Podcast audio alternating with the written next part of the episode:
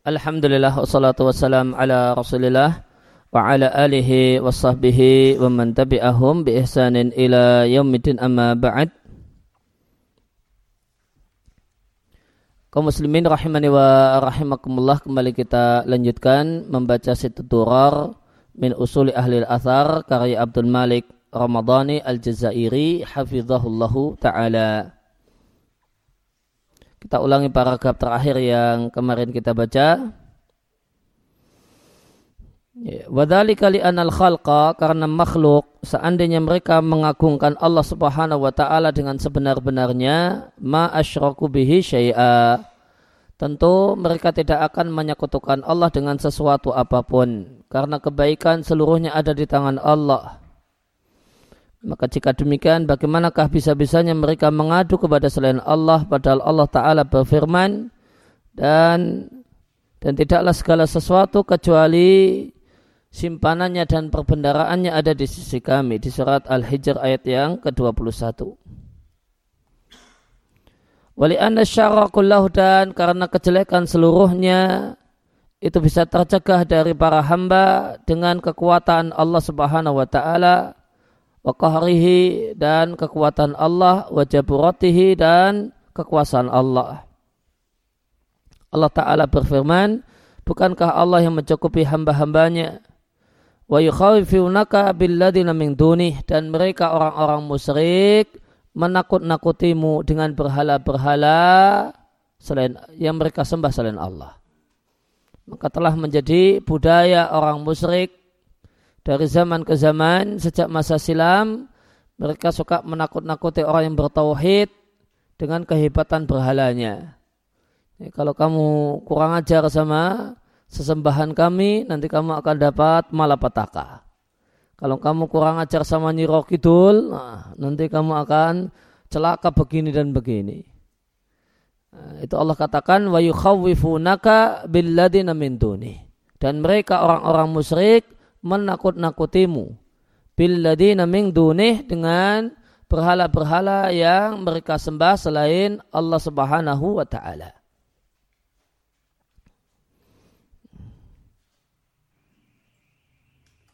Wala azama al khalqu rabbahum seandainya makhluk, seandainya hamba itu mengagungkan Allah Subhanahu wa taala, lasakanat al khasyatu qulubahum niscaya ketenangan itu akan tenang, rasa takut itu akan hingga pada hati mereka.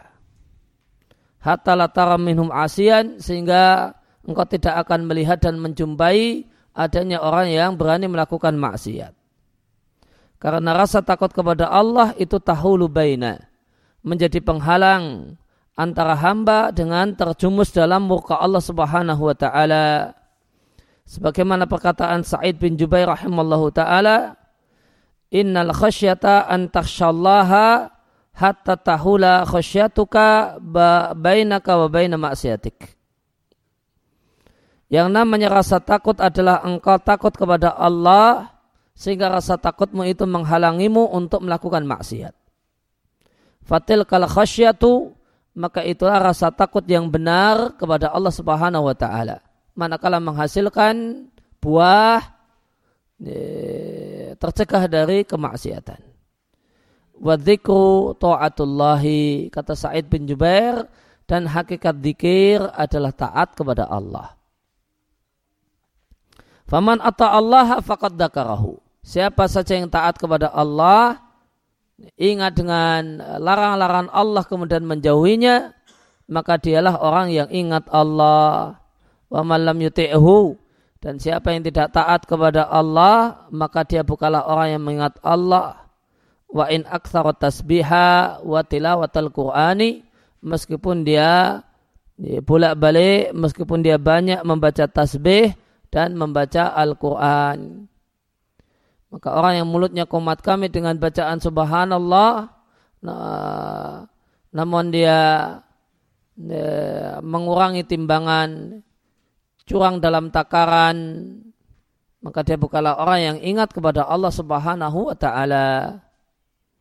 Maka orang yang di tangannya terdapat biji tasbih yang dia sibuk bertasbih dengannya, ya, namun uh, dia melakukan maksiat, namun eh, dalam keadaan demikian dia bermaksiat, maka dia bukanlah orang yang mengat Allah Subhanahu wa taala karena wadzikru taatullahi. Hakikat ingat Allah adalah ya, hakikat zikir adalah taat kepada Allah. Diatkan oleh Abu Nuaim dalam Hilyah dengan sanad yang sahih. Dan dalam perkataan Said bin Jubair ini terdapat makna dakikun, satu pesan yang mendalam, yang wajib untuk diperhatikan. Yaitu bahasanya seorang hamba tidaklah bermaksiat kepada Allah, kecuali manakala hilang darinya, hilang dari hatinya rasa takut kepada Allah. Hilang dari hatinya muraqabatullah, merasa diawasi oleh Allah. Wadahala an kaunillahi ma'ahu, dan dia lupa bahasanya Allah bersamanya, mendengar dan melihatnya. Wastaula alaihi dan berkuasa pada hatinya, tauqan, keinginan nafsu, keinginan jiwanya untuk melakukan maksiat. Wasudda ilaiha dan ditarik menuju maksiat, eh, kalbu hatinya sudah benar-benar ditarik. Ya, walakinna akan tetapi jika seorang itu ingat bahasanya Allah mengawasinya, intaha maka dia akan berhenti. Oleh karena itu Allah katakan alam ya'lam bi annallaha yara. Tidakkah dia tahu bahasanya Allah melihat apa yang dia perbuat yang selayaknya sehingga dia pun berhenti dari melakukan keburukan dan kejelekan yang dia lakukan. Dan perkataan Said bin Jubair, siapa yang taat kepada Allah, maka dia adalah orang yang ingat kepada Allah. Maka beliau menginginkan dengan dengan istilah zikir di sini adalah landasan disi, eh, landasan zikir dan pondasi zikir yaitu zikirnya hati dan zikirnya hati hati yang ingat kepada Allah adalah faktor pendorong yang paling besar untuk taat sebagaimana perkataan Maimun ibn Mahran rahimallahu taala adziku dzikrani Zikir mengingat Allah itu ada dua macam. Zikir dengan lisan itu satu hal yang baik. Dan yang lebih afdol daripada hal tersebut adalah seorang hamba ingat dengan Allah saat dia hendak bermaksiat. Fayum siku anha, lalu dia cegah dirinya untuk melakukan maksiat. Diatkanlah Ibn Abi Dunya dalam Al-Wara' dan, dan Abu Nuaim dalam Hilyah dengan sanad yang sahih. Ya. Maka kata Maimun ibn Mahran, zikir hati itu lebih afdal daripada zikir lisan. Dan di antara contoh zikir hati adalah ketika uh, ada keinginan untuk melakukan maksiat, dia hadirkan kebesaran dan keagungan Allah Subhanahu wa taala, kemudian dia tidak nekat uh, untuk melakukan maksiat. Namun kemudian dia hentikan keinginannya untuk berbuat maksiat. Ini zikir hati dan ini yang jauh lebih afdal, jauh lebih utama daripada zikir lisan.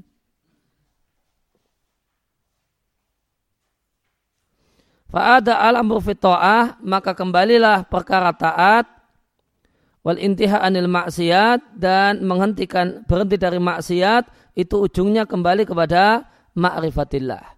Mengenal Allah, merasa diawasi oleh Allah dan rasa takut kepada Allah. Wa kullu dzalika min ta'dhimihi dan ini semua adalah bentuk mengagungkan Allah Subhanahu wa taala. Dan dan sungguh seorang itu jika dia merasakan keagungan Allah Subhanahu wa taala, maka rontoklah nilai ibadahnya di matanya. Meskipun demikian banyak ibadah yang dia lakukan. Wala yaraha dan dia tidak menilai ibadah yang dia kerjakan itu syai'an punya nilai sedikit pun Fijambilah dalam menunaikan hak Allah subhanahu wa ta'ala. Karena demikian agungnya Allah subhanahu wa ta'ala. Sehingga kondisi semacam ini mendorongnya untuk bersungguh-sungguh dalam beribadah.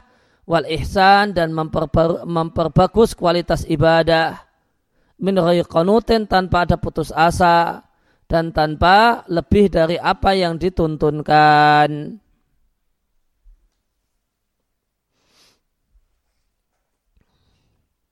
Maka manfaat yang lain dari menghadirkan perasaan ya, keagungan Allah Subhanahu wa taala menghadirkan keagungan Allah Subhanahu wa taala di dalam hati menunjuk uh, ketika seorang menghadirkan keagungan Allah Subhanahu wa taala dalam hatinya, kebesaran Allah dalam hatinya di antara faedah yang lain, dia tidak akan ujub dengan amal ibadahnya. Karena dia menilai bahasanya amal ibadahnya sedemikian banyaknya itu belum bisa menunaikan hak Allah Subhanahu wa taala. Dan jika timbul hal semacam dalam hati seorang maka semestinya akan memompa semangatnya untuk beribadah dan meningkatkan kualitas ibadah Ya, tidak kemudian konut, tidak kemudian tidak boleh kemudian sampai membuat putus asa. Demikian juga semangatnya dalam beribadah itu semangat yang terkontrol sehingga tidak kebablasan sehingga melakukan hal-hal yang tidak dituntunkan lebih dari apa yang dituntunkan. Fata amal maka renungkanlah keadaan orang-orang yang bersusah payah di malam hari karena berdiri untuk Allah dan taat kepada Allah Bagaimanakah mereka tutup ibadah mereka dengan istighfar, dengan mohon ampun kepada Allah. Istighfar untuk apa? Minta kesirihim. Karena tidak maksimal dalam beribadah. Wajilin dan karena mereka adalah orang-orang yang takut kepada Allah. Sebagaimana firman Allah Azza wa Jal, kanu qalila minal laili ma yahja'un. Mereka sangatlah sedikit di waktu malam mereka tertidur wabil ashari hum yastaghfirun. Namun mereka adalah orang yang sibuk mengat, uh, sibuk beribadah kepada Allah Subhanahu wa taala dan di akhir ibadah mereka, di akhir tahajud mereka yaitu waktu sahur, mereka sibuk minta ampun kepada Allah Subhanahu wa taala. Dari Utbah ibn Abad beliau mengatakan, beliau mengutip sabda Rasulullah sallallahu alaihi wasallam, Lau anna rajulan yujaru ala wajihi. Seandainya seorang itu diseret ala wajihihi pada wajahnya sejak dia lahir sampai dia mati hariman dalam keadaan tua renta. Dia diseret fi mardotillah. Itu dalam bersusah payah mencari Allah subhanahu wa ta'ala. Bersusah payah dalam beribadah. Lahakkarahu yaumal qiyamah. Niscaya pada hari kiamat dia akan menganggap sepele amal yang dia lakukan seumur hidup yang itu amal yang ya, sungguh-sungguh amal yang luar biasa yang pol-polan kata orang Jawa namun pada hari kiamat dia akan menganggap itu remeh dan sepele demikian dalam hadis yang diatkan oleh Imam Ahmad dengan sanad yang jayid ya, maka di hadis ini Nabi sampaikan bahasanya pada hari kiamat semua orang itu menyesal. Semua orang itu menyesal. Ya, termasuk di antaranya adalah orang yang baik di dunia itu menyesal. Jika orang yang baik di dunia itu menyesal, maka bagaimanakah tidak bisa kita bayangkan bagaimanakah nasib orang yang mencampur kebaikannya dengan kejelekan atau bahkan orang yang lebih parah lagi yang isi hidupnya adalah kejelekan. Yang isi hidupnya kebaikan itu menyesal. Ya, dan eh, apa penyesalannya? Kenapa saya tidak beramal lebih banyak lagi? Kenapa saya beramal tidak lebih sungguh-sungguh lagi? Ya, kenapa saya tidak lebih maksimal lagi? Ya, sebagaimana Nabi sampaikan di sini, jika seorang itu dari kecil sampai tuanya dan dia mati dalam keadaan tua renta, dalam keadaan pikun karena tuanya, maka di, besok pada kiamat dia menyesal. Dia menganggap ini terlalu sedikit modal yang saya bawa, amal yang saya bawa Kenapa dulu tidak tambah lebih banyak lagi? Kenapa tidak lebih sungguh-sungguh lagi? Kenapa kok cuma sedikit seperti itu? Ini orang yang dari lahirnya sampai matinya. Padahal tentu ya, pastikannya kan cuma main-main, nggak ada pahalanya, nggak ada. Nah, coba kemudian dengan dan seterusnya. Maka Nabi katakan, seandainya dari lahir sampai mati dan matinya adalah mati tua renta, itu isinya ibadah semua, dia akan pada kiamat tetap menyesal. Jadi akan katakan pada dirinya sendiri, kenapa amal saya yang saya bawa kok cuma segini, kenapa tidak saya lebih tingkatkan, lebih maksimalkan. Kemarin kok infaknya kok cuma 100 ribu, kenapa tidak satu juta. Nah, padahal duitnya juga nganggur, bahkan sisa-sisa. Ya, maka di situ akan disesali. Kenapa sholatnya cuma dua rakaat, padahal bisa lebih banyak dari itu. Kenapa? Dan seterusnya. Ini kok sehingga hasilnya cuma sedikit uh, dikit sedikit semacam ini itu keadaan orang yang baik dia akan menganggap amal yang dia tumpuk dan dia kumpulkan saat di dunia itu sepele tidak ada nilainya kemudian dia sesali kenapa cuma segitu kenapa tidak lebih banyak lagi jika demikian orang baik gimana dengan orang yang jika demikian orang yang isinya adalah kebaikan bagaimana dengan orang yang tidak jelas statusnya orang baik atau tidak baik, kadang baik, kadang nggak baik. Ya, bagaimana kalau dengan orang yang isi, ke, isi isi hidupnya adalah keburukan dan kejelekan?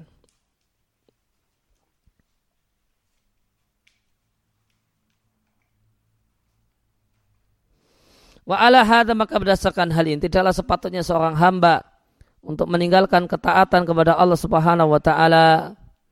Atau kemudian yukasir taksir ya, kurang dan tidak maksimal dalam bersyukur kepada Allah. Mustash'iran minhu amnan karena merasa aman dari Allah Subhanahu wa taala menimbang karena melihat nikmat-nikmat Allah Subhanahu wa taala sabirah yang demikian luas itu ada pada dirinya. Mukatiran berandai-andai bahasanya Allah ridha kepadanya dengan yang sedikit dari ketaatannya. Alat yufihi minafsih yang dia uh, yang dia lakukan dari dirinya. Maka tidak sepantasnya ada perasaan semacam ini. Orang kemudian berhenti taat atau kemudian uh, merasa cukup dengan amal taat yang telah dikerjakan atau kemudian melakukan ketaatan dengan malas-malesan ya, melakukan ketaatan yang itu merupakan bentuk syukur dengan malas-malesan karena merasa aman dari adab Allah Subhanahu wa taala. Dan kenapa muncul perasaan demikian? Karena melihat nikmat Allah yang demikian demikian berlimpah untuk untuk dirinya, kemudian dia simpulkan berarti Allah senang dan ridho dengan saya.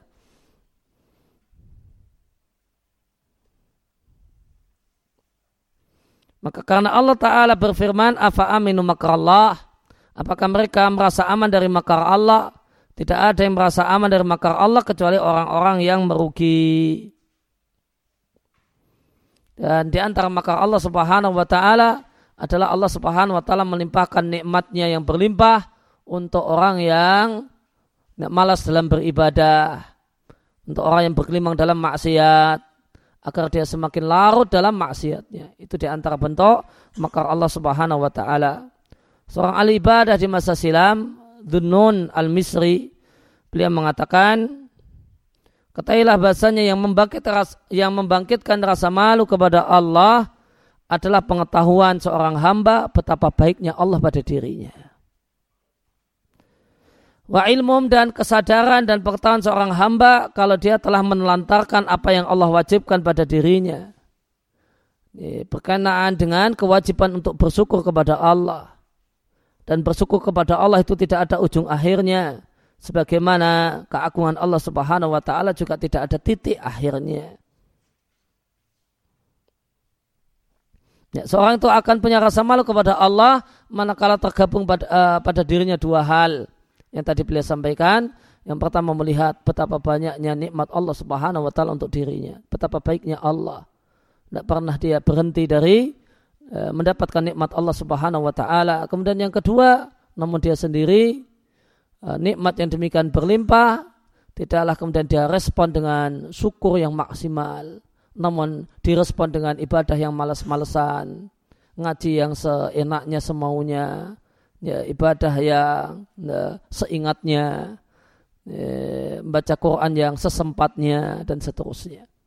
Maka ketika seorang itu menyadari nikmat Allah demikian berlimpah ya, dan syukur dia terhadap nikmat itu demikian seenaknya maka ya, ketika orang itu masih punya hati maka dia akan malu malu kepada Allah Subhanahu wa taala ya, ya semakin dia larut dengan uh, jauh dari Allah namun nikmat Allah tidak pernah berhenti dia bermaksiat kepada Allah non nikmat Allah tidak berhenti bahkan saat maksiat pun dapat nikmat Allah Subhanahu wa taala itu dia melakukan maksiat dan tidak dipermalukan oleh Allah Subhanahu wa taala dengan dibongkar maksiatnya ya, dengan kepergok tetangganya, kawannya dan seterusnya. maka sedang bermaksiat pun mendapatkan nikmat Allah Subhanahu wa taala. Apa bukan satu hal yang memalukan? Ya, apa orang yang masih punya hati tentu akan merasa malu kepada Allah Subhanahu wa taala yang demikian luar biasa baiknya kepadanya. Oleh karena itu maka tidaklah bermaksiat kepada Allah kecuali orang yang tidak memuliakan Allah dengan sebenar-benar pemuliaan. Sebagaimana firman Allah Subhanahu wa ma qadarullah haqqa. Mereka tidaklah memuliakan dan mengagungkan Allah sebagaimana mestinya. Bumi seluruhnya adalah genggaman Allah pada hari kiamat dan langit itu terlipat di tangan kanan Allah Subhanahu wa taala. Dan ketidaktahuan tentang kemuliaan Allah dan keagungan Allah adalah pokok kebodohan. Dan itulah sebab lancangnya seorang hamba untuk menerjang hal-hal yang diharamkan oleh Rabbnya. Sebagaimana firman Allah Ta'ala, hal itu wa mayu'adim hurumatillah Barang siapa yang mengagungkan hal-hal yang Allah muliakan, maka itulah yang lebih baik baginya di sisi Rabbnya. Dan Allah Ta'ala berfirman, taubat itu Allah, ya, menerima taubat itu adalah kewajiban Allah bagi orang-orang yang bertobat dan dia melakukan kejelekan bijahalah karena ketidaktahuan. Yang dimaksud dengan ketidaktahuan di sini adalah ketidaktahuan tentang keagungan Allah Subhanahu wa taala. Dan itulah sebab maksiat.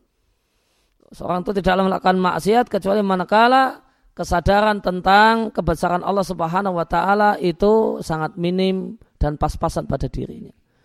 Ketika seorang itu berada dalam kondisi maksimal sempurna tentang kebesaran dan keagungan Allah tidak bakalan berbuat maksiat.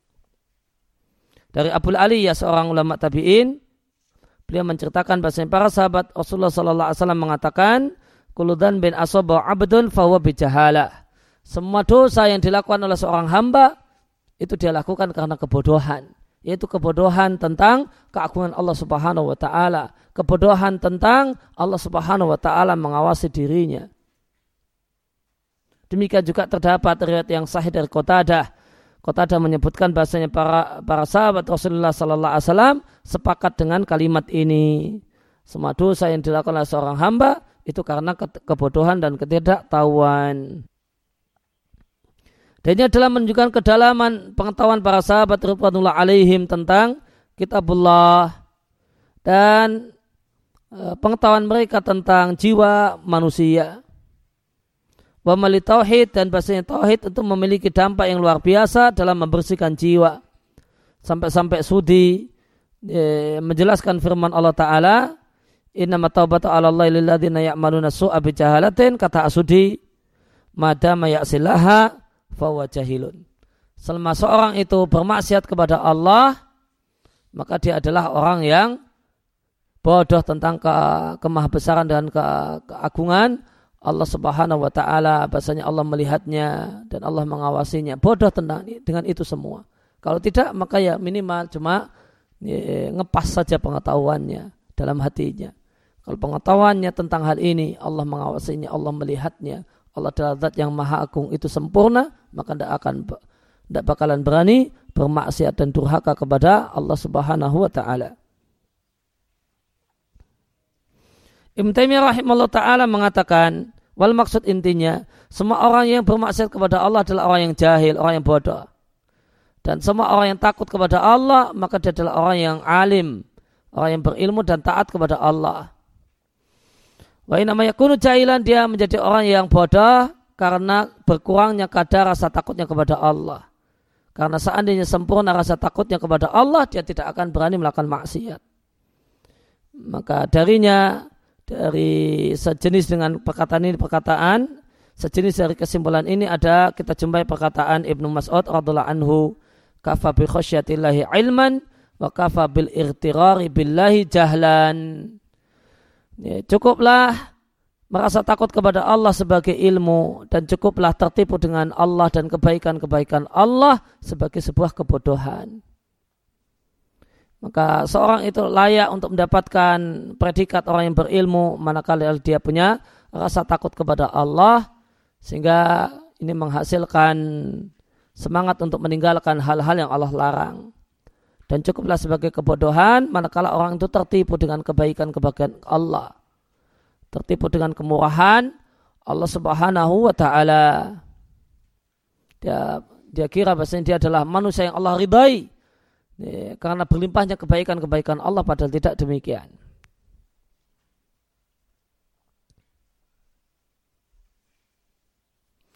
Wadali kali anak tasawur al makhuf karena menggambarkan yang eh, yang ditakuti yujibul harap minhu akan menyebabkan mengharuskan kabur lari darinya sebagaimana tasawur adanya bayangan dan gambaran tentang yang dicintai menyebabkan mencari maka jika seorang itu tidaklah lari dari hal ini dan tidak mencari hal tersebut maka ini menunjukkan bahasanya dia tidak punya eh, pemahaman dan penggambaran yang sempurna.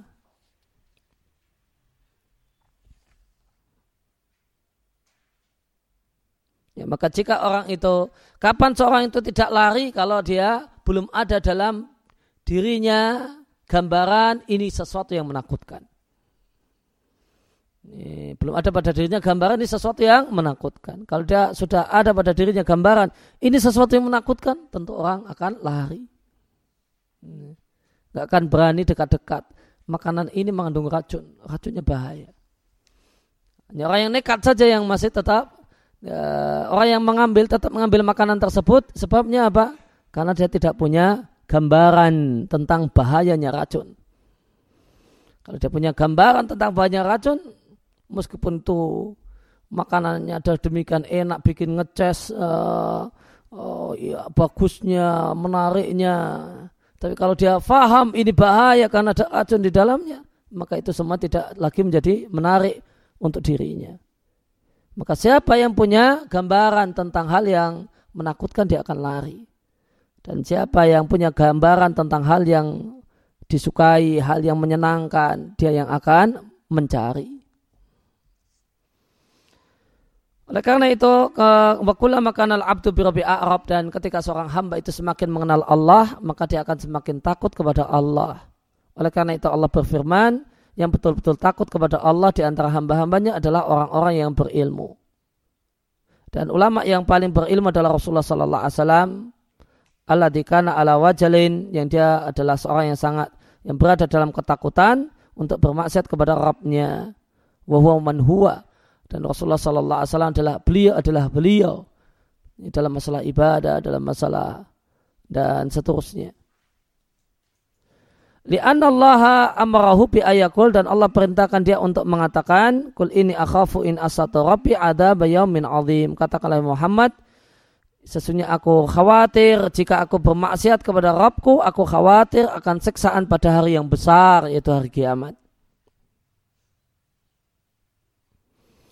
Li'anal ma'asi karena maksiat menurut orang-orang yang bertauhid, orang yang betul-betul mengenal Allah Subhanahu wa taala meskipun sedikit dan remeh, ya raunaha dia lihat dan dia pandang adalah besar bagikan gunung. Ini orang yang bertauhid yang betul-betul bertauhid. Maka orang yang bertauhid itu tidak akan menyebabkan orangnya pelajaran tauhid itu tidak akan menyebabkan orang meremehkan maksiat. Ini ada yang salah dalam pelajaran tauhid yang didapatkan. Eh, pelajaran tauhid yang benar itu akan ya, menyebabkan seorang itu dosa maksiat perkara yang kecil itu dianggap sebagai satu hal yang besar untuk dirinya. Inilah keadaan hati orang yang bertauhid yang betul-betul mengenal Allah Subhanahu wa taala. Kenapa bisa demikian? Karena mereka menyadari tentang keagungan Allah Zat yang Maha Esa dan Maha Perkasa. Maka jilu sahabat, generasi sahabat. Tatkala mereka adalah a'rafa jilin, generasi yang paling tahu tentang hak-hak Allah, maka mereka adalah manusia yang paling takut kepada Allah. Abdullah bin Ibn Mas'ud radhiyallahu taala anhu mengatakan, sungguh kalian para tabi'in melakukan sejumlah amal. Ya ada fi ayunikum yang dalam mata kalian itu amal yang lebih ring, uh, tipis, lebih uh, lebih kecil minas sya'ar uh, daripada rambut satu belah satu helai rambut. Namun kami menghitung dan menganggap amal tersebut di masa Nabi Shallallahu Alaihi Wasallam minal mubiqat adalah dosa besar yang membinasakan dan menghancurkan. Kata Bukhari yang dimaksud dengan mubiqat ay muhlikat yang membinasakan. Maka hal ini menunjukkan bahasanya ketika seorang itu semakin bertauhid, semakin mengenal Allah, maka akan semakin besar rasa takutnya kepada Allah. Nah perkataan Ibnu Mas'ud ini Wala nakulu hadat dan tidaklah kami katakan bahasa perkataan Ibnu Mas'ud di atas adalah bagian dari perkataan sebagian mereka yaitu perkataan khas yang tenar atau cukup tenar di dunia sufi. Hasanatul abrar sayyatul muqarrabin. Amal kebajikannya al-abrar itu adalah amal kejelekan dalam pandangan al-muqarrabin.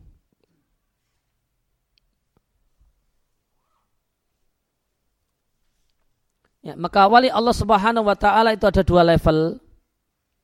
Ya, wali Allah Subhanahu wa taala itu ada dua level. Yang pertama adalah al-muqarrabin yang disebut juga dengan asabikun. Kemudian level di bawahnya adalah al-abrar yang dalam Al-Quran disebut juga dengan ashabul yamin.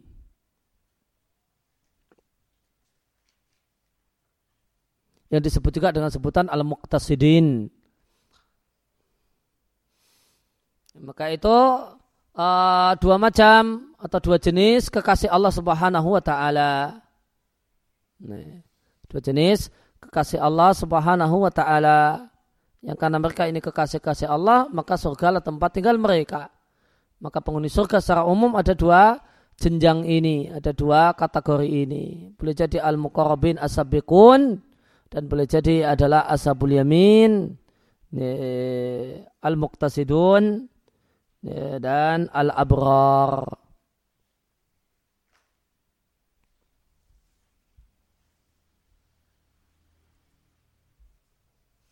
Nah, al-muqarrabun adalah orang-orang yang ya, ibadah yang menjadi targetnya adalah ibadah yang wajib dan sunnah. Dan yang ditinggalkan adalah bukan hanya makruh namun juga hal-hal yang mubah yang tidak ada manfaatnya. Apalagi hal yang haram. Itulah amalnya al-muqarrabun. Lain halnya dengan al-abrar atau ashabul yamin. Ya. Mereka ini adalah orang yang semangat melakukan hal-hal yang wajib.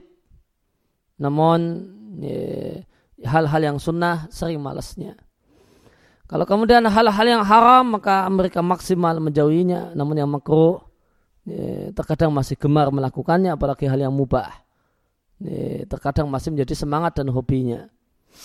Maka ini al-abrar ini disebut juga dengan ashabul yamin. Nah, eh, dalam uh, dalam uh, ada kalimat yang masuk di dunia sufia yang mengatakan bahasanya hasanatul abrar amal kebajikannya al abrar itu dinilai sebagai amal kejelekannya al muqarrabin.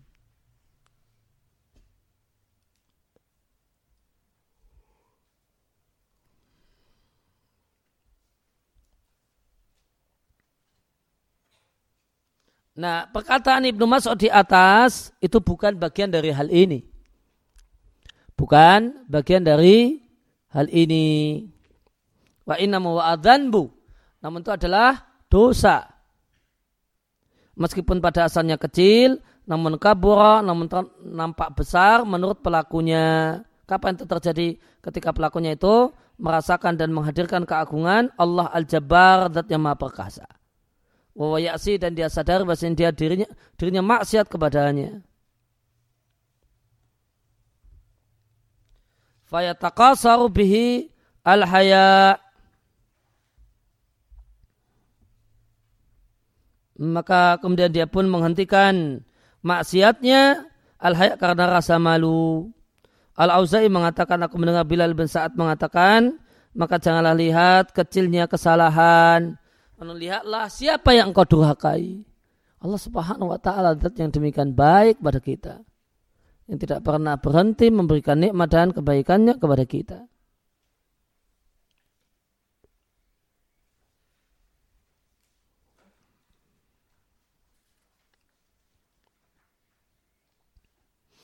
Wata'amal dan renungkanlah al-asar satu riwayat al-ati berikut ini tudrik maka engkau akan faham rahasia rasa takut mereka-mereka kepada Allah Ta'ala. Dan hubungan hal tersebut dengan memurnikan ibadah hanya untuk Allah Subhanahu wa taala. Yahya ibn Mu'ad Ar-Razi mengatakan, Kaifa yunjini am amali? Bagaimanakah mungkin amalku itu akan menyelamatkanku? Sedangkan aku di antara kebaikan dan kejelekan.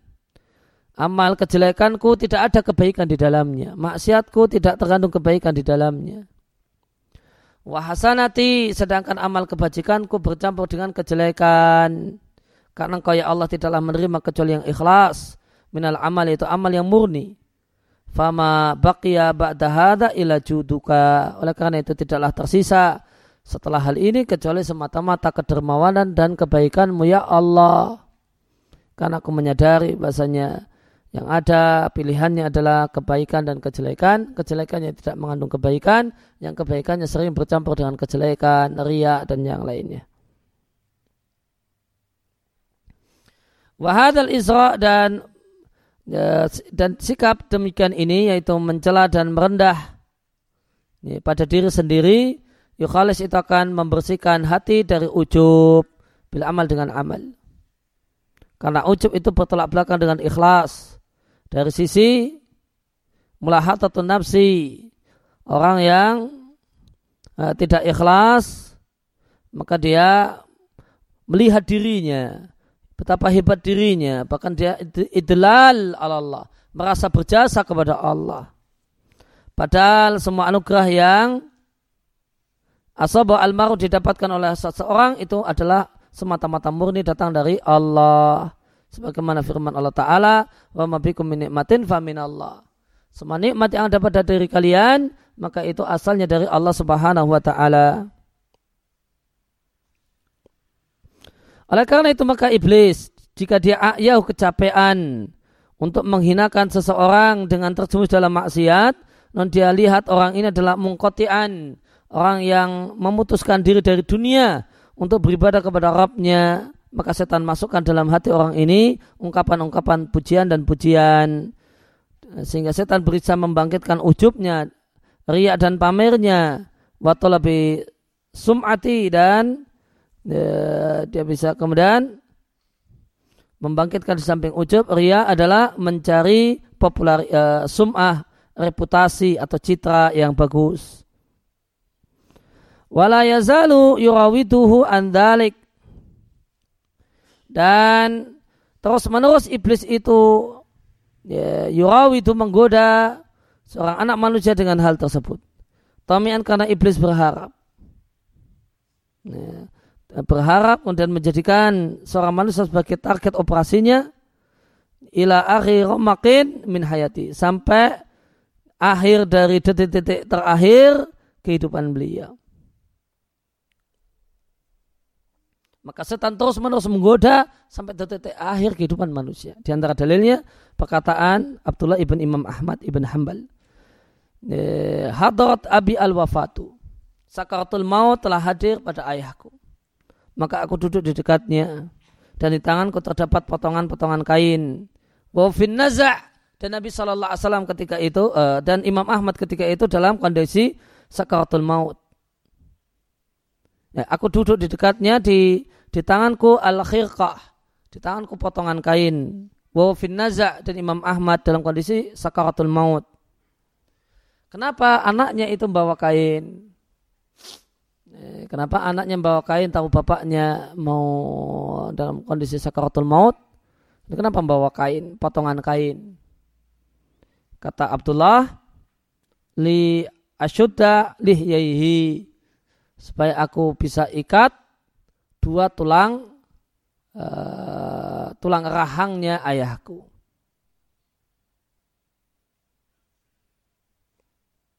Ya, maka uh, tentu ya, di antara adab ya, di antara adab ketika seorang itu hadir di di dekat seorang yang hendak meninggal dunia maka dia punya sejumlah hal-hal yang disarankan ketika seorang telah pasti meninggal dunia maka uh, di antara hal yang disarankan adalah dia ikat tulang rahang orang yang meninggal tersebut. Dia putarkan di sini dari tali muter ke, eh, ke atas kepala dan demikian beberapa kali. kemudian diikat di bawah. Kemudian diikat di bawah. Ini, karena setelah orang itu meninggal dunia maka nanti dia akan lemes selama beberapa jam.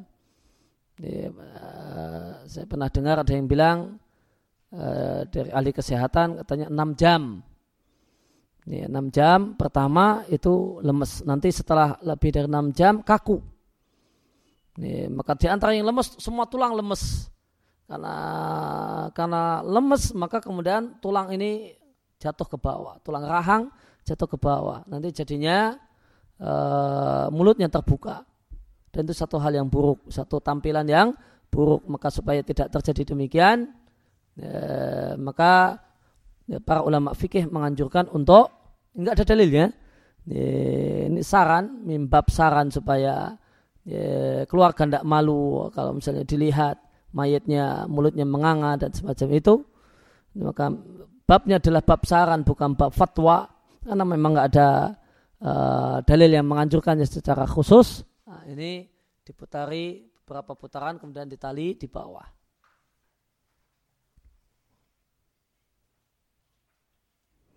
demikian juga ulama fikih menganjurkan untuk uh, membawa sesuatu yang berat kemudian ditali kiri dan kanan ditali kemudian diletakkan di perut.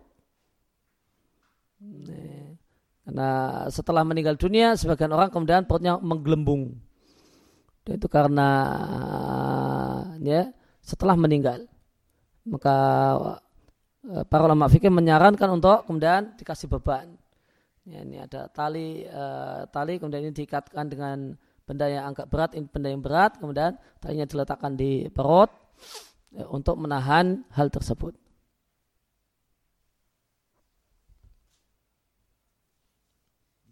Fakana yaghriq. Maka saat itu kemudian Imam Ahmad dari Imam Ahmad terdengar suara mengorok. Hatta nadunna anau qad qudiya. Sampai-sampai kami menyangka bahasanya sudah selesai. Yaitu meninggal dunia. Thumma yufiku ternyata sadar. Ternyata itu bukan ngorok sakaratul maut.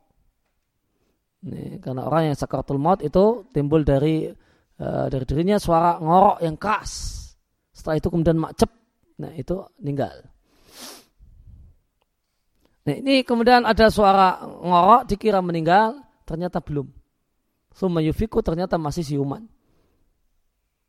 Nah pada saat siuman, ayahku kata Abdullah, Ibn Imam Ahmad, la bu'du, la bu'du. Tidak, pergi jauh sana. Tidak, pergi jauh ke sana. Fa'ala hadha maratan wa thaniyatan. Maka demikian di, diucapkan Imam Ahmad sekali dan dua kali. Tatkala ucapan yang ketiga, ya, sampai tiga kali Imam Ahmad mengatakan la bu'du tidak mau, sana pergi, jauh. Menjauhlah dari diriku. Kemudian aku berkata kepada ayahku, ya abadi ishada. Ish singkatan dari ayu syai'in. Ayya syai'in. Disingkat jadi aish. Aish syai'in. Ada apa? Yeah. Wahai ayahku ada apa? Hadalladhi qad lahajjabtihi fi hadal waqti. Yaitu kata-kata yang kau ucapkan di waktu ini. Kenapa engkau mengatakan apa yang kau katakan saat ini? Maka ayahku mengatakan, Ya bunaya, matadri, hei anakku, tidakkah engkau tahu? Engkau tidak tahu? Aku katakan, aku tidak tahu. Imam Ahmad mengatakan, Iblis la'anahullah, koma bihidai. Dia berdiri lurus di depanku. Adan ala anamilihi. Dia menggigit Eh, ruas-ruas jari tangannya. Yakul, iblis kemudian mengatakan, Ya Ahmad Futani, engkau telah selamat dariku. Nih, gigit ini kayak kemudian kesannya sedih gitu. Kemudian sambil mengatakan, Hei Ahmad, engkau telah selamat dariku. Ya, catatan uh, kaki. Ayuhim iblis, iblis mau menimbulkan kesan annaka qad najauta minni wa Ahmad bin Hambal engkau telah selamat dari gangguanku. Tujuannya apa? Supaya Imam Ahmad ujub di titik-titik terakhirnya. Eh, supaya timbul ujub di detik terakhirnya. Ini tinggal semenit dua menit sebelum meninggal dunia. Supaya timbul ujub maksiat ujub. Dan ini menghapus semua amal. Ujub dengan amalnya, ujub dengan kesungguhannya. Lebur semua ini di detik terakhir. Ya jaba binafsihi supaya Imam Ahmad ujub dan kagum dengan dirinya. Wahadi wallahi fitnatun azimah. Ya, dan demi Allah ini adalah ya, kudaan yang luar biasa. Wa saatun asobiyah. Padahal ini adalah detik-detik menegangkan. Muribah yang meragukan maka orang yang selamat di detik-detik ini wal ma'sum man asamallahu. Orang yang terjaga adalah orang yang betul-betul Allah jaga. Maka iblis itu tidaklah henti-hentinya menyesatkan manusia sampai detik yang terakhir dari kehidupannya dengan berbagai macam cara. Maka tadi disampaikan di paragraf sebelumnya, iblis terus menerus menggoda karena berharap bisa kemudian berhasil menggoda manusia ila akhiri romakin min hayati sampai detik terakhir dari kehidupannya. Romak makna asalnya adalah bakiyatu roh, ya, sisa kehidupan.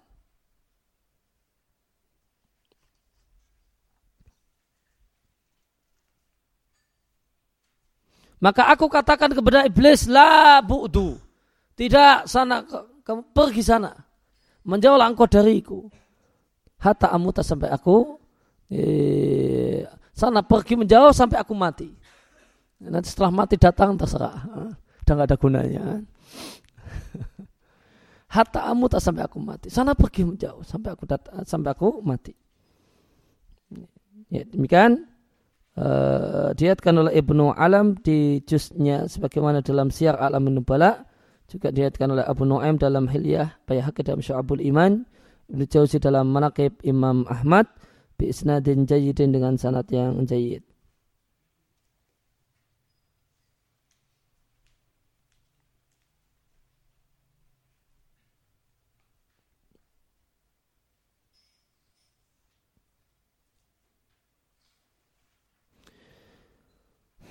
Waman takat, waman siapa yang mengingat dengan baik hal ini. Pemakan ya. uh, alih al-anbiya dan bagaimana keadaan para nabi alaihi wassalatu wassalam yang mengingatkan tauhid dan mewasiatkan tauhid sampai-sampai pada saat kematian mereka sebagaimana yang telah lewat siapa yang mengingat hal ini maka dia akan mengetahui rahasia irtibat dikaitkannya kalimat ini idza waqa'at fil qalbi jika telah terhunjam di dalam hati dikaitkan dengan asabat alal Islam ya, dengan ketegaran di atas Islam pada saat meninggalkan kehidupan dunia. Wadhalika makhudun dan ini diambil dari penamaan kalimat la ilaha illallah dengan nama al-qaulu asabit perkataan yang kokoh di satu ayat di surat Ibrahim yaitu firman Allah Ta'ala Yutsabitullahu ladina amanu bil qawli Allah teguhkan orang-orang yang beriman dengan perkataan yang teguh yaitu la ilaha illallah yaitu tauhid fil hayati dunya wa fil akhirah dalam kehidupan dunia dan dan di akhirat.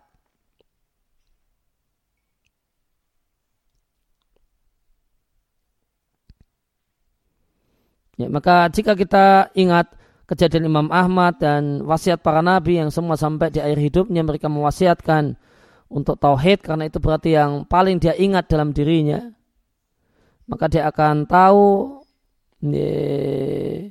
rahasia hubungan antar kalimat la ilaha illallah yang terhuncam di dalam hati dengan ketegaran di atas Islam. Oleh karena itu maka la ilaha illallah disebut dengan al-qaul asabit kata kalimat yang tegar, kalimat yang kokoh. Karena kokohnya kalimat tauhid la ilaha illallah dalam hati orang yang betul-betul beriman. Karena itu adalah satu hal yang selalu diulang-ulang untuk ditanamkan. Sehingga itulah yang muncul. Itulah yang muncul saat eh, detik-detik yang menegangkan. Yaitu menjelang kematian. Sehingga itulah yang diwasiatkan. Dan karena perkataan ini demikian kokoh. Ya, maka inilah yang membuat orang tetap sadar tentang bahaya iblis di depannya sebagaimana kasus Imam Ahmad.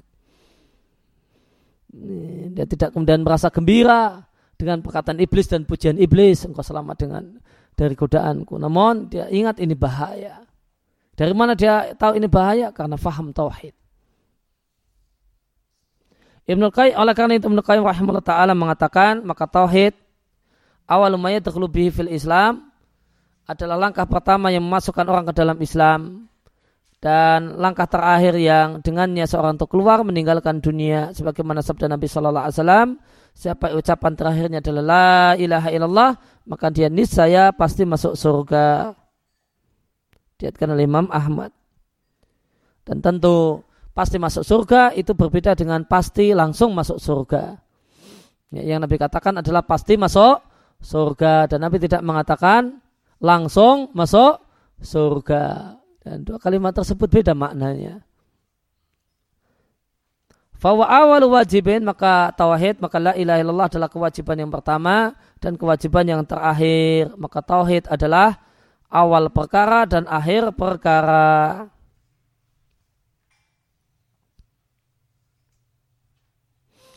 Walidhalika oleh karena itu telah menjadi kebiasaan Allah di antara hamba-hambanya siapa yang hidup di atas tauhid yang murni dan tidak dianodai dengan berbagai macam subhat ahli takwil dan taktil wa tamthil.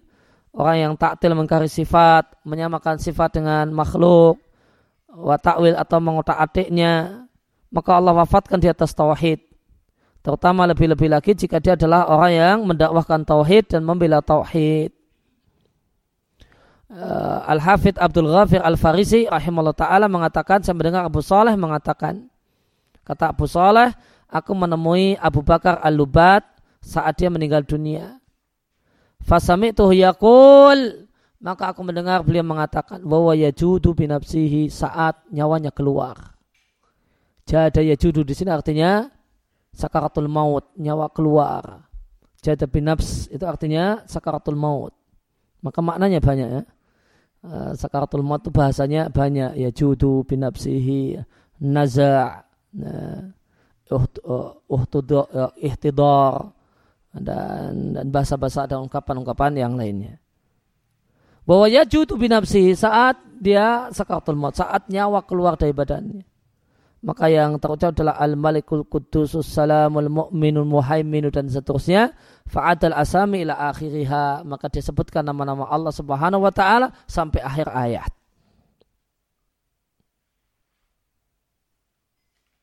Mimma la akadu ansahu. Dan di antara perkara dan peristiwa yang hampir saja aku tidak lupa adalah wasiat guru kami Syekh Muhammad Aman Al-Jami rahimallahu taala.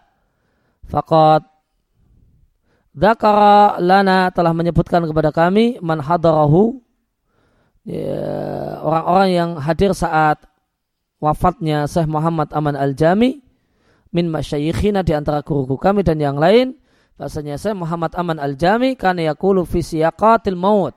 Beliau berkata saat siyaqatil maut sama dengan sakaratul maut. Saat sakaratul maut ucapan beliau al-aqidat al-aqidat usikum bidzalika. Akidah, akidah, aku wasiatkan kalian untuk jaga akidah. Wa ni'matil mautu mitatu hadih. Inilah sebaik-baik kematian. Maka beliau Syekh Muhammad Aman Al-Jami ya, hidup untuk tauhid wala yakatu dan hampir-hampir. Tidaklah diketahui beliau punya perkataan ya, punya omongan kecuali isinya tauhid dan membela tauhid. Maka Allah tutup kehidupan beliau juga dengan tauhid. Dan beliau jadikan dan Allah jadikan tauhid adalah wasiat beliau untuk orang-orang setelahnya. Sebagaimana dilakukan oleh sang kekasih Allah Ibrahim wabanuhu bersama anak keturunannya alaihi wassalatu wassalam Allah Ta'ala berfirman dan ingatlah ketika Ibrahim mewasiatkan agama ini kepada anak uh, anak-anaknya demikian Yakub juga pada anak-anaknya wahai anakku sehingga Allah telah memilihkan agama untuk kalian maka janganlah kalian meninggal dunia kecuali dalam keadaan muslim.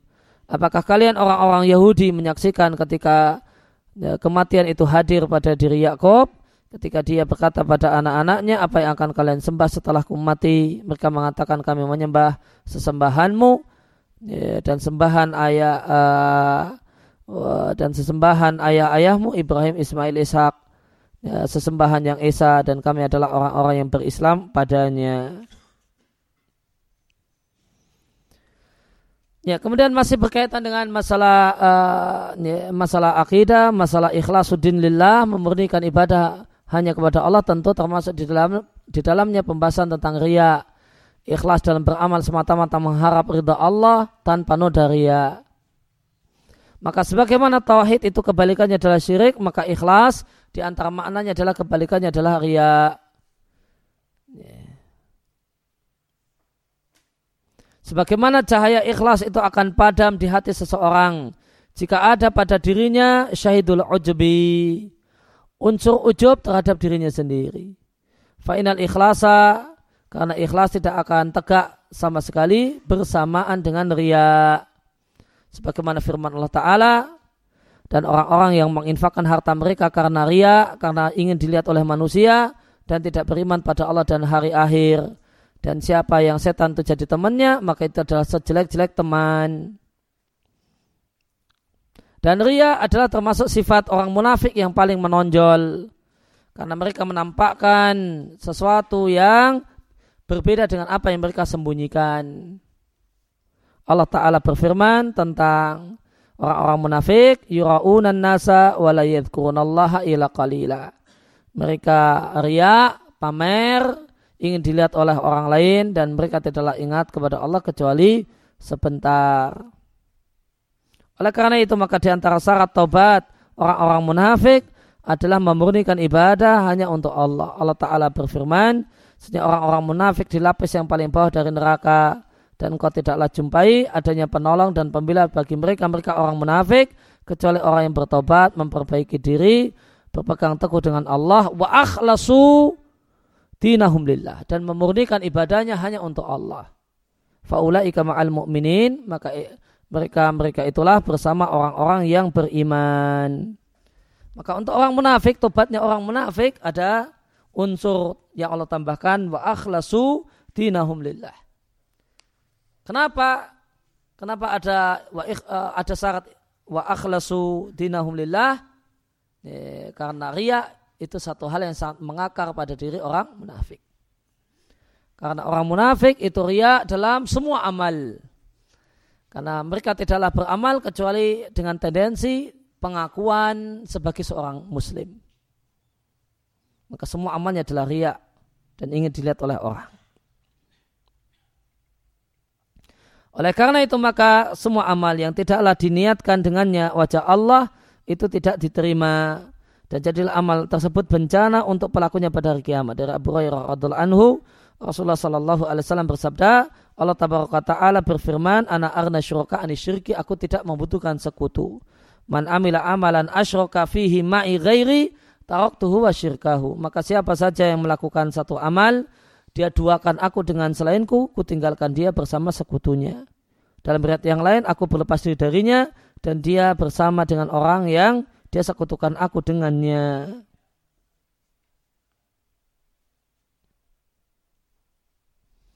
Dan di antara penjelasan tentang pengertian ikhlas yang dikutip dari Madarijus Salikin, di antaranya ada ulama yang mendefinisikan ikhlas sebagai berikut. Ikhlas adalah samanya amal seorang hamba fil zahir wal batin ketika dia berada dalam keramaian dan ketika dia sepi sendiri itu adalah orang yang ikhlas. E, ketika dia sendiri di kamar, ya sama kemudian ketika dia kumpul dengan banyak orang di masjid, ya, amalnya sama. Dikirnya sama, baca Qurannya sama. Nah, itu ikhlas. Sedangkan ria adalah manakala zahirnya lebih baik daripada batinnya.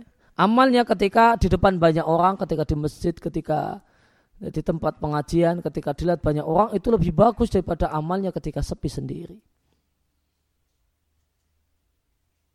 Kemudian ada yang lebih unggul daripada, ada yang lebih bagus daripada ikhlas, wasidku fil ikhlas dan orang yang betul-betul benar jujur dalam ikhlas adalah orang yang batinnya lebih makmur daripada zahirnya.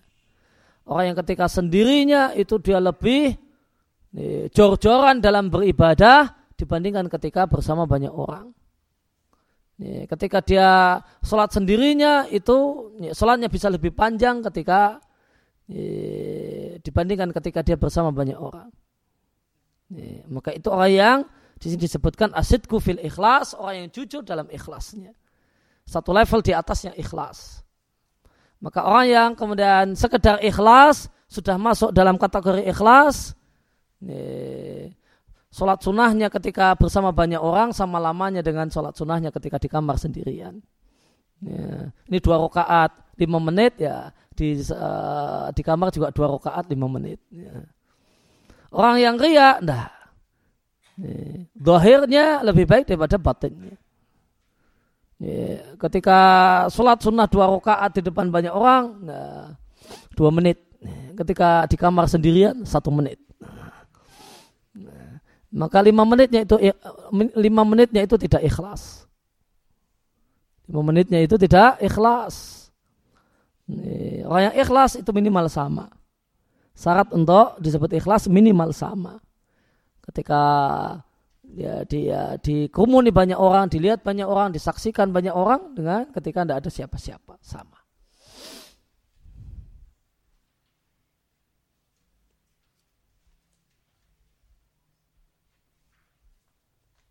Dan orang yang ketika sepi itu kemudian jauh berbeda dengan ya, jauh berbeda dengan ketika dia bersama kumpul dengan banyak orang maka berlakunya berlaku padanya perkataan Bilal ibn Sa'ad yang mengatakan la takun waliyan lillah fil alaniyah. Janganlah engkau menjadi kekasih Allah ketika dilihat banyak orang. Wa aduwahu fisiri. Namun jadi musuh Allah dan jadi kekasih iblis ketika sepi sendiri di kamar sendirian tidak ada siapa-siapa.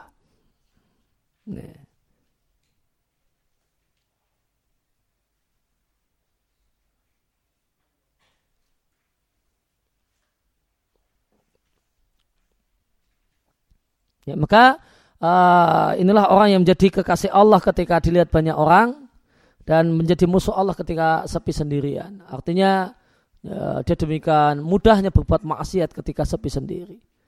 Namun ketika di depan banyak orang, wah, maka yang dinampakkan adalah kesolehan. Nah. Maka ini adalah orang yang jadi kekasih Allah ketika di depan banyak orang dan kekasih iblis ketika sendirian.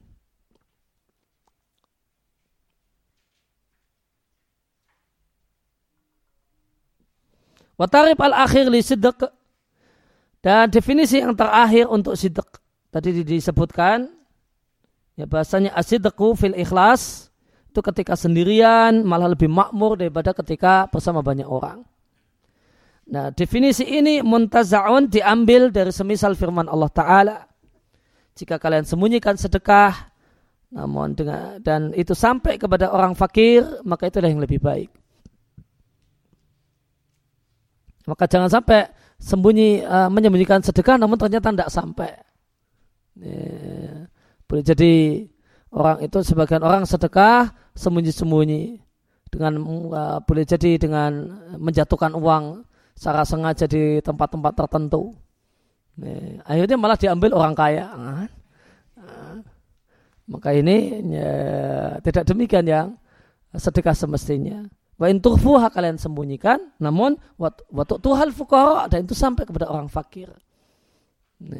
Maka boleh jadi kemudian dia letakkan uang di tempat wudhu atau kemudian yang lain, dia maksudnya sedekah.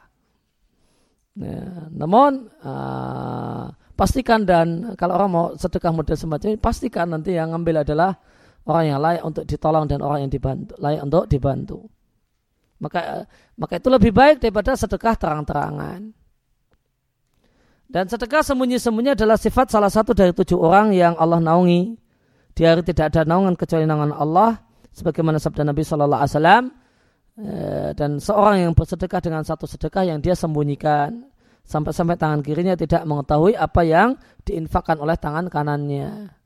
Pada tangan kiri dan kanan itu adalah selalu bareng, selalu sama dan dekat. Artinya dia sedekah sampai-sampai orang yang selalu menyertainya dan orang yang dekat dengannya pun tidak tahu kalau dia bersedekah. Dan manusia itu semangat untuk menutupi kejelekannya, satu semangat yang tidak mereka miliki untuk menutupi kebaikannya. Kenapa orang itu tidak semangat untuk menutupi kebaikannya, namun semangat untuk menceritakan kebaikannya? Di anam yuriduna bidzalika karena mereka menginginkan dengan hal tersebut menceritakan kebaikan dia ingin agar punya jah punya kedudukan ya, di hati manusia. Indah gharihim pada orang lainnya itu di hati manusia. Bahkan anda lihat banyak dari banyak dari manusia itu semangat fit jalwah ketika bareng dengan banyak orang. Jalwah makna asalnya rafus setar tersingkapnya uh, tersingkapnya penutup Ketika dia jalwah, ketika dia uh, terlihat oleh banyak orang, disaksikan, dilihat oleh banyak orang dan berbaur dengan banyak orang, maka dia semangat dalam beramal. Namun malas fil khalwah ketika sepi sendiri. Oleh karena itu maka ada orang yang mendefinisikan ikhlas dengan mengatakan ikhlas adalah Anda tidak mencari saksi untuk amalmu selain Allah. Ya, yang namanya ikhlas adalah Anda tidak mencari saksi yang melihat amalmu kecuali Allah Subhanahu wa taala. Wala mujazian dan tidak mencari pihak yang bisa memberikan balasan siwahu selain Allah Subhanahu wa taala. Oleh karena itu orang yang ikhlas itu adalah orang yang uh, ketika dia beramal baik yang lihat itu manusia ataupun bukan manusia sama amalnya. Sama keadaannya Sebagaimana kata Syekhul Islam di Al-Ubudiyah, indikator ikhlas adalah ketika engkau mengerjakan sholat dan di belakangmu dan ada orang yang melihat ataukah binatang ternak ataukah kambing yang nonton itu sama, ya, sama saja. Nah, sama saja kualitas dan keadaan sholatnya. Nah, itu ikhlas.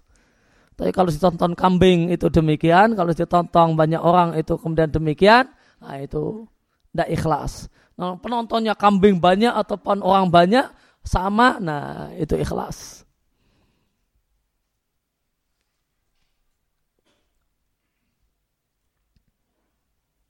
Dan seandainya seorang itu bersusah payah, bersungguh-sungguh untuk menutupi amal kebajikannya dari orang lain, sebagaimana dia bersungguh-sungguh untuk menutupi kejelekannya dari orang lain, maka sungguh dia telah sampai pada derajat tingkatan-tingkatan orang yang ikhlas. Sebagaimana kata Abu Hazim, yang nama aslinya adalah Salamah bin Dinar, dan Salamah itu nama laki-laki kalau dalam bahasa Arab. Salamah bin Dinar rahimahullah ta'ala beliau mengatakan uktum min hasanatik sembunyikanlah amal kebajikanmu sebagaimana engkau sembunyikan amal-amal kejelekanmu. Sebagaimana semangat sama persis dengan semangatmu untuk menutupi amal-amal kejelekan dan keburukanmu. Wakil dan ada yang mendefinisikan ikhlas dengan mengatakan wa ifratul haq subhanahu. Al-haq di sini nama lain dari Allah. Salah satu nama Allah adalah mengesahkan Allah bil qasdi dalam masalah niat fitoah ketika berbuat taat. Ketika berbuat taat, niatnya itu tunggal hanya untuk Allah Subhanahu wa taala. Ada juga yang mendefinisikan ikhlas dengan tas, tasfiyatul fi'li an mulahadatul makhlukin. Membersihkan perbuatan, membersihkan amal dari pandangan makhluk. Mau dipandang makhluk, mau ada yang lihat, ada manusia yang lihat ataupun tidak, sama. Maka itu orang yang ikhlas.